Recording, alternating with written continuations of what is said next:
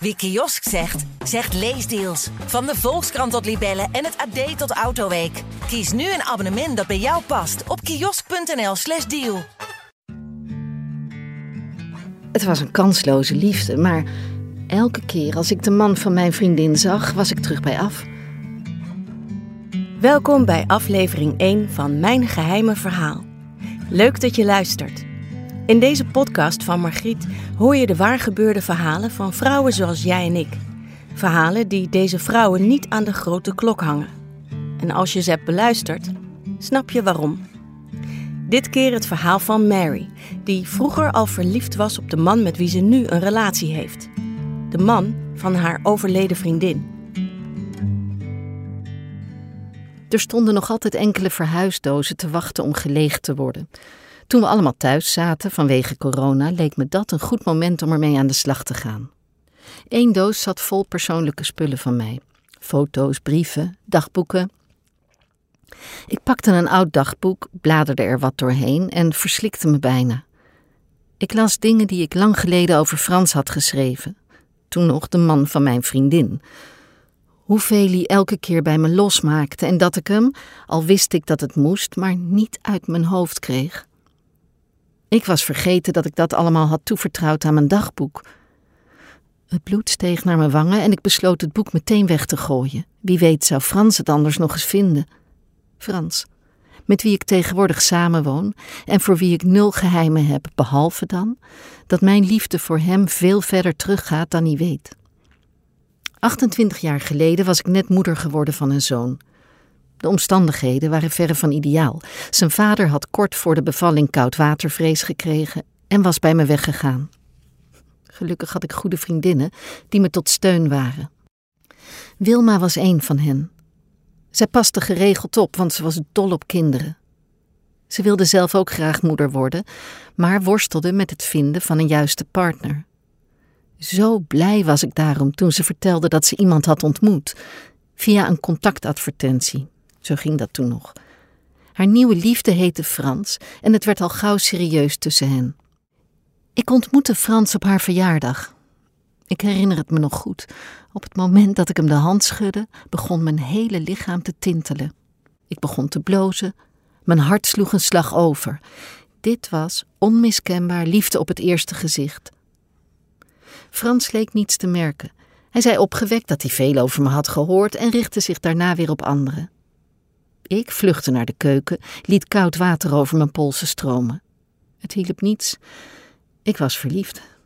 En dat ben ik ruim een jaar gebleven, zonder er iets van te laten merken, zonder het aan wie dan ook te vertellen. Want een man van een vriendin, daar blijf je vanaf. Dat behoeft geen uitleg. En er was geen enkele reden om te denken dat hij ook iets in mij zag. Hij was tegen al Wilma's vriendinnen even hartelijk, maar Wilma was overduidelijk zijn nummer één. Het was dus een kansloze liefde en toch. Steeds nam ik me voor hem uit mijn hoofd te zetten en steeds was ik weer terug bij af als ik hem zag. Na een jaar raakte ik daarvan zo gefrustreerd dat ik afstand heb genomen van Wilma en Frans onder het mom dat ik zo druk was. Toen ik ook nog eens geen kaartje stuurde nadat ze een kind hadden gekregen, stopte ook Wilma met bellen. Ik weet dat ik er pijn heb gedaan met mijn zogenaamde onbetrokkenheid, maar ik kon niet anders. Het was lijfsbehoud. Vijftien jaar later kwam ik mijn oude vriendin bij toeval weer tegen. Het klikte meteen weer. En toen Wilma me uitnodigde om samen met mijn toenmalige partner te komen eten, dacht ik: vooruit dan maar. En gelukkig, toen ik Frans terugzag, bleek de betovering verdwenen. Ik voelde geen vlinders meer.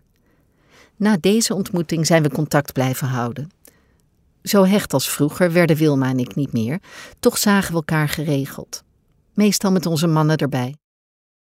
Nooit meer heb ik gedacht, was Frans maar van mij.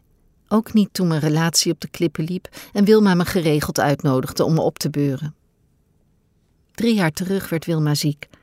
Ze had een nare hoest die niet overging. Het bleek uitgezaaide longkanker. In een paar maanden tijd ging ze hard achteruit. We hebben haar in blokken verzorgd. Ook ik was er eens in de week.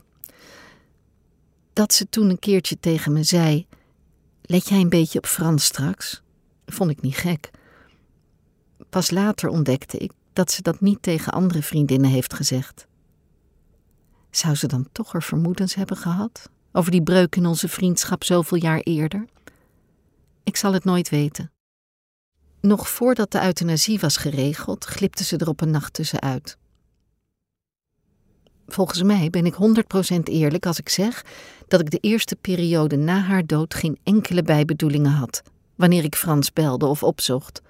Hij was kapot van verdriet en ik wilde niets anders dan praktische steun leveren. Ik verwachtte ook zeker niet dat hij iets voor mij kon gaan voelen, want meer dan vriendschappelijke interesse had hij nooit getoond. Maar na een half jaar trok hij steeds meer naar me toe.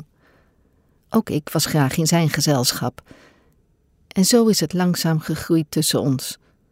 Tot mijn verliefdheid net zo vurig was als destijds en hij me vroeg om bij hem in te trekken. Ik weet dat zijn kinderen het er moeilijk mee hebben gehad, omdat het vrij snel ging en ze mij al kenden. Maar ze respecteerden de keuze van hun vader en ik heb altijd mijn best gedaan om hun te laten voelen dat ik groot respect heb voor de liefde tussen hun ouders. Het laatste wat ik wil is daarmee wedijveren. Ik ben heel erg gelukkig met Frans. Nee, ik voel me daar niet schuldig over. Ik weet hoe moeilijk ik het er vroeger mee heb gehad. Dat ik nooit heb geprobeerd hem af te pakken.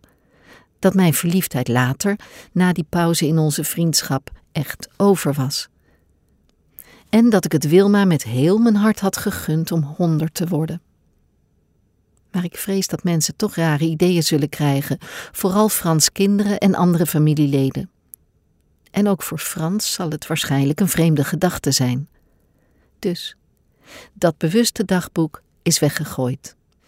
Dit geheim blijft voor altijd van mij.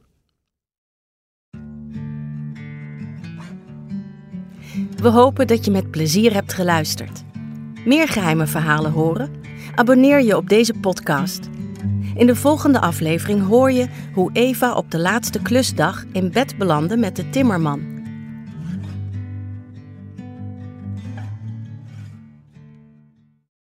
Wie kiosk zegt, zegt leesdeals. Van de Volkskrant tot Libellen en het AD tot Autoweek. Kies nu een abonnement dat bij jou past op kiosk.nl/slash deal.